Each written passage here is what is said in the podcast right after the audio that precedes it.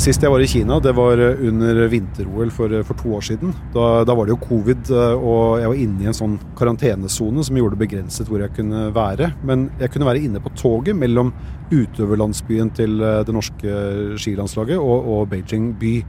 Det her er Kristoffer Rønneberg.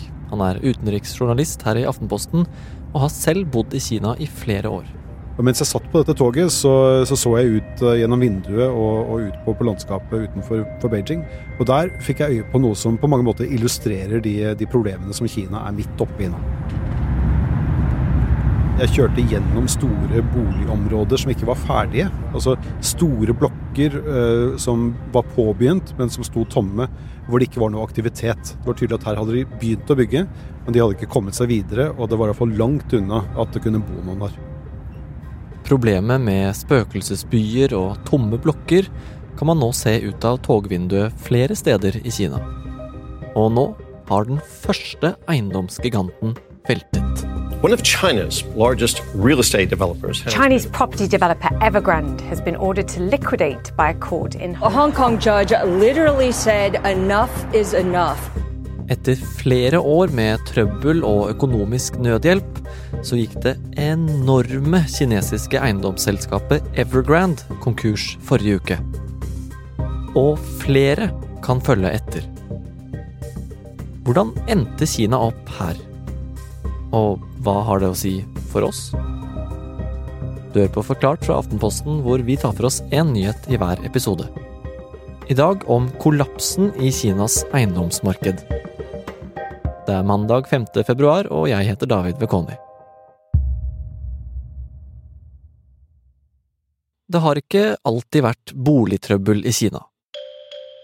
Landet har faktisk vært gjennom en eventyrlig byggeboom de siste tiårene.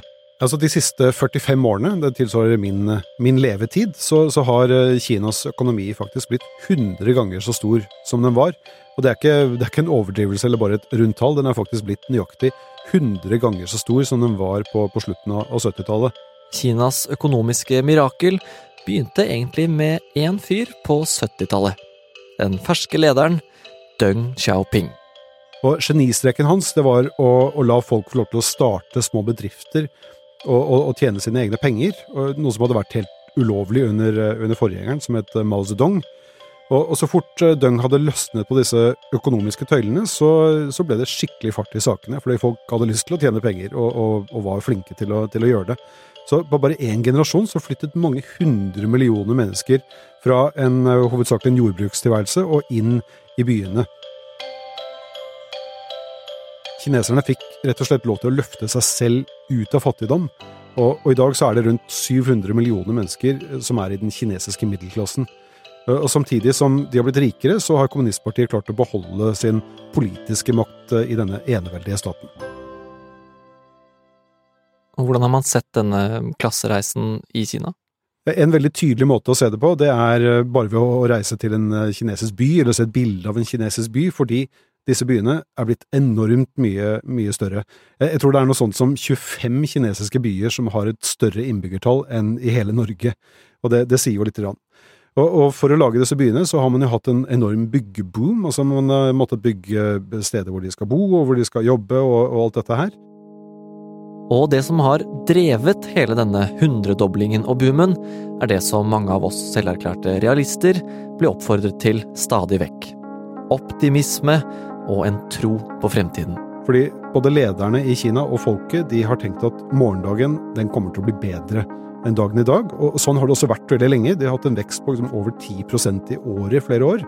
Og det har gjort at man har kunnet bygge og bygge og bygge og bygge, fordi man har regnet med at det ville komme kunder, og det ville komme markeder, og det ville komme inntekter senere. Og lenge fungerte den kinesiske modellen.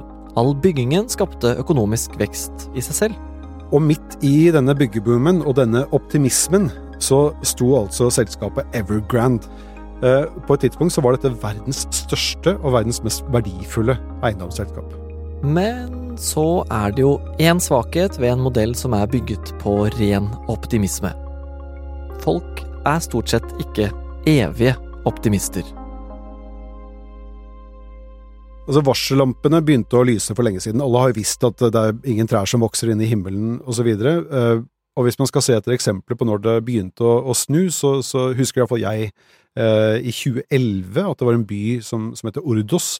Der bygget myndighetene en hel ny bydel, eh, hvor de håpet at det skulle komme folk. Og det, det viste seg at det var ikke stor nok etterspørsel til at, eh, til at de kom og flyttet inn der. Så det var ett tidlig eksempel, og så begynte det å komme flere og flere. Og da pandemien traff i, i begynnelsen av 2020, da stoppet liksom hele det kinesiske samfunnet opp fordi folk ble tvunget til å være inne i hjemmene sine, og da ble det ikke noe særlig økonomisk vekst. Og det førte til at mange av disse byggeprosjektene ble, ble stående brakk. Og så kom kollapsen. Allerede i 2021 var giganten Evergrande på randen av konkurs. Det her er fra episoden vi lagde om det da, med økonomikommentator Sindre Heierdal. I verste fall så sprer det seg og blir et stort problem for oss alle. Men det ble ikke noen konkurs da. Ingen stor kollaps. Og siden har Evergrande blitt holdt kunstig i live. Helt til nå. Mandag var det slutt, i hvert fall sannsynligvis. Det, det var en dommer i, i Hongkong som, som begjærte Evergrande for å være konkurs. og Så får vi se om, om myndighetene i Kina vil akseptere det. Sannsynligvis så gjør de det, fordi alternativet er at de må betale masse penger for å, for å betale ned Evergrandes gjeld. Dette selskapet har en gjeld på noe sånt som 3000 milliarder kroner, altså enormt mye penger, som de har bygget opp over tid, og som har blitt større og større fordi de ikke har vært i stand til å betale for de prosjektene som de har bygget. Og med det så kan det virke som et av Kinas største, ikke bare eiendomsselskaper, men et av Kinas aller største selskaper, rett og slett er blitt uh, historie.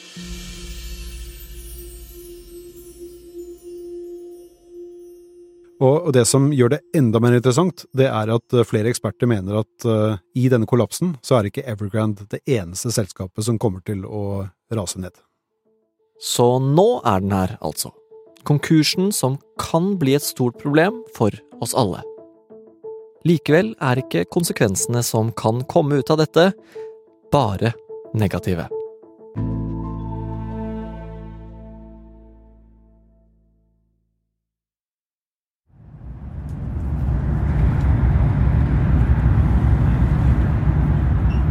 Når dagens kinesere, eller norske utenriksjournalister, ser ut av togvinduet på de store høyhusene som står halvferdige og tomme, blir spørsmålet hva med de som skulle bo der?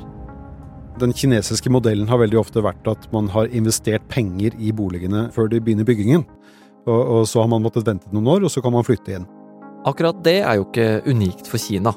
Tenk bare på alle Obos-prosjektene rundt omkring. Vi valgte Frisja fordi det er et veldig veldig fint område. Fordi det er et sted i vekst. Det å bo på Ulven er egentlig ganske spennende. Obos har jo store planer for områdeutviklingen her på Fornebu. Du vet, sånne med små modellbyer og prospekter du kan se på, og velge ut fliser til drømmeleiligheten som står klar om fire år i et helt nytt, pulserende nabolag. Men hvis man da ikke blir ferdig med å bygge den boligen, så sitter man igjen ved at man har betalt inn penger, og har ikke de pengene lenger, og så får man heller ikke noe bolig. Drømmeboligen blir ikke bygget, og pengene er tapt. Dette gjelder da mange millioner kinesere eh, som, som, nå står i fare for å, for å ende opp i en ganske vanskelig økonomisk situasjon. Men det er ikke bare de som har kjøpt en imaginær bolig som taper på det her. Ja, når man skal bygge boliger, så må man jo ha utstyr og, og råvarer for å bygge de, de boligene. Så det er mange industrier nå som kan slite, altså alt fra sementindustrien til stålindustrien til folk som skal utføre malerarbeid og ingeniører og elektrikere. Det er et helt, det er et helt system som skal settes i sving for å, for å få opp en, en, boligblokk. Og når Evergrande nå kollapser, og vi også vet det er en bank i Kina som har sagt at det er rundt 20 millioner uferdige boliger i, i Kina. Hvis man nå ikke klarer å fortsette å bygge dette her, så vil det gå utover utrolig store mengder mennesker i mange ulike industrier. Og det kan få store konsekvenser for Kinas økonomi generelt. Hvordan da? Altså, det vil jo føre til altså, Bare denne veksten i seg selv, altså all denne byggingen, har jo skapt økonomisk vekst ved at man holder økonomien gående, og at folk holdes i arbeid, og at man importerer ting og produserer ting for å skape alle, all denne infrastrukturen, alle disse bygningene som, som har kommet til Kina de siste 45 årene.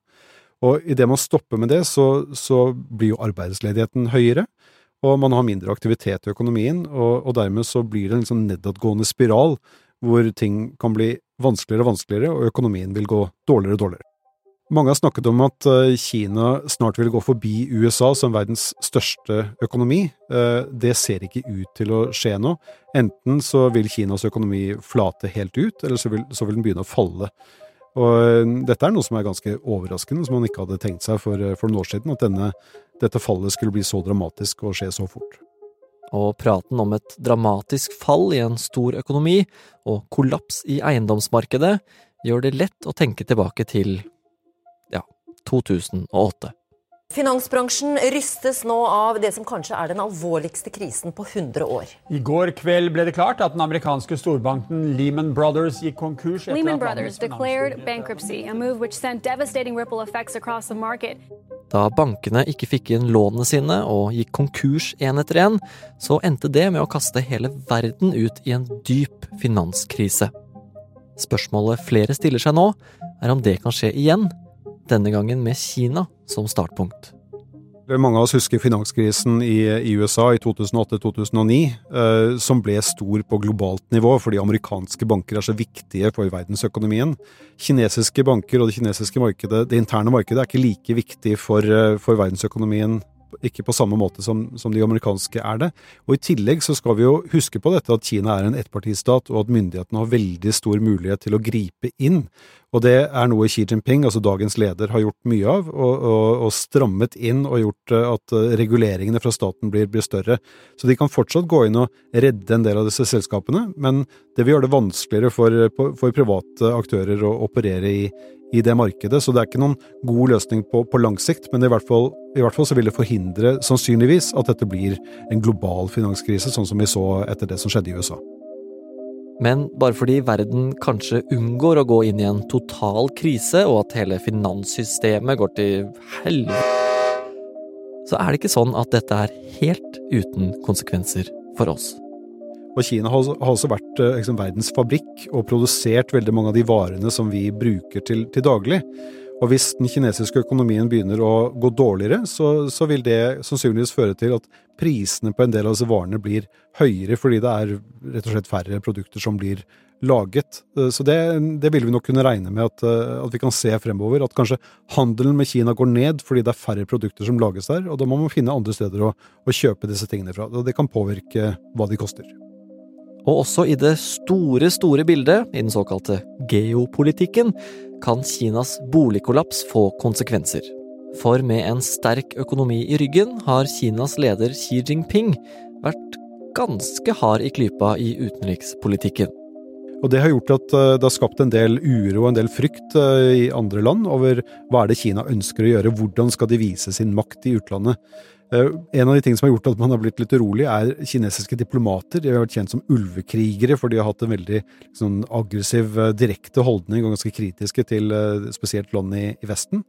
Nå ser vi en litt annen tilnærming fra kinesiske myndigheter, og det er godt mulig at det har noe med økonomien å gjøre, fordi nå trenger de utenlandske investeringer til Kina, for det raste sammen i fjor. Så de trenger rett og slett litt mer goodwill fra, fra resten av verden.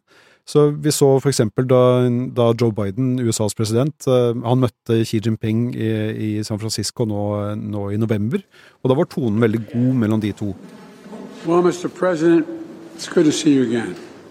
Og det at de møttes og så ut til å ha en god tone, det, det er et positivt tegn. Hvordan da? Nei, Det er eh, mange som er litt urolige for denne konflikten, eller denne konkurransen mellom USA og Kina og at det kunne kanskje bli til noe mer enn en ordkrig, eh, og kanskje få et, eh, et militært eh, aspekt. Og nå som de snakker sammen og har en, har en, bedre tone Vi så det også på dette toppmøtet i Davos i januar, hvor det dukket opp 140 kinesiske, eller en delegasjon på 140 personer fra, fra Kina, for å si fra til verden at hei, vi er her og vi ønsker å drive business med dere. Og det er et godt, godt tegn, og viser at vi kanskje kan få litt mindre friksjon i, i storpolitikken fremover, nå som Kina er litt mer på tilbudssiden og, og ber om litt, litt goodwill på en annen måte enn hva de gjorde før. Så det kan bety et litt lavere konfliktnivå på verdensbasis der, da? Ja, Det er i hvert fall et uh, godt uh, tegn at folk snakker sammen. Det er liksom et bra utgangspunkt for en, for en fredelig løsning. Og, og, noen av de som kanskje kan puste litt lettere nå, det er befolkningen på, på 23 millioner mennesker på, på, Taiwan, som lenge har vært redde for at Kina kan finne på å invadere dem. Den frykten er nok litt redusert nå som Kinas ledere må, må tenke mer på økonomien og løse de problemene. Jeg tror ikke at en krig mot Taiwan er noe Xi Jinping har råd til akkurat nå.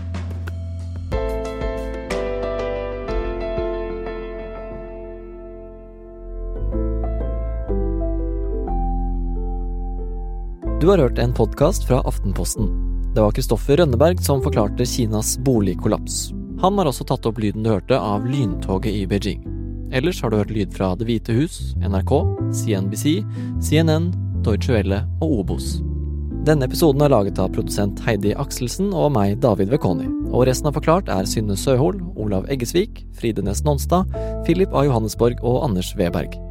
Følg oss gjerne på Spotify, så får du de nyeste episodene opp i feeden din, og kan være med å svare på spørsmål og meningsmålinger. Og hvis du syns Forklart er sånn tålelig greit å høre på, så blir vi veldig glade om du vil anbefale oss til en venn. Takk for at du hørte på.